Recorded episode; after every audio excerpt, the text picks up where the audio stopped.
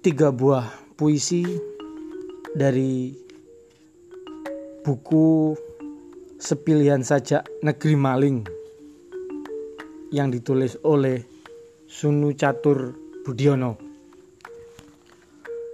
Puisi pertama judulnya Celaket. Celaket. Seperti biasa, pagi itu kau menungguku di kaki celaket di balik rimbun cemara. Seperti biasa pula kau pun bertanya, masih adakah sisa cinta untukku setelah kau lumat semalam? Aku jadi malu seperti Wisrawa sehabis senggama dengan Sukesi. Begitulah, lalu kau pun melahirkan sebelum aku sempat merawatmu. Dan mani sisa senggama yang hanyut di kali itu kelak akan menjadi raksasa yang senantiasa mengincar kita. Puisi yang kedua, luka. Luka, aku tulis sajak ini karena kau liar mengacak-acak pikiran dan imajinasiku. Seperti kuda kau lepas dan aku tersesat di hutan yang kau ciptakan. Seperti Rama di hutan Dandaka yang kehilangan buruannya. Aku benci padamu dan diriku sendiri, tapi tanpa daya karena cinta telah membuatku terluka.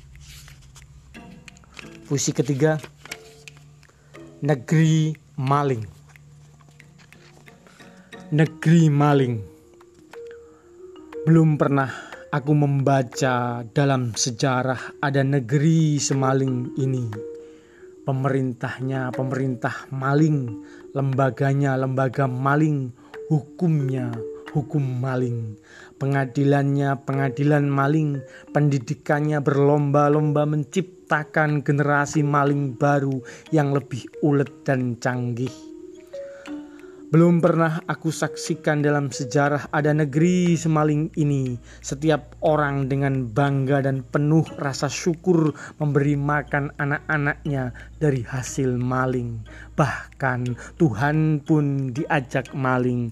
Mereka bertahajud, bersimpuh di altar, sembahyang di pura, berbondong-bondong pergi mencari berkah hanya agar sukses menjadi maling.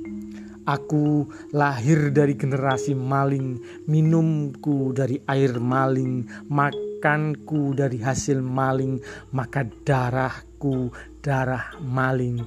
Aku menjadi maling, mataku mata maling, hidungku hidung maling, mulutku mulut maling, telingaku telinga maling.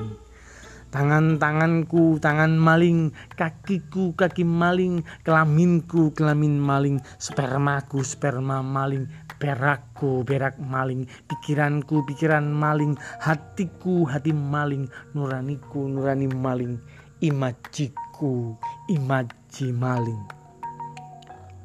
Sebagai maling hanya satu yang tak kupunya, rasa malu belum pernah aku saksikan dalam sejarah ada negeri semaling ini. Kata-kata para maling dianggap sebagai fatwa-fatwa agama. Sementara para wali dan ulama hanya mampu berdiri di luar ring pemalingan sebagai pecundang sambil merancau tak jelas siapa yang dimaki. Mungkin mencaci dirinya sendiri yang tanpa daya.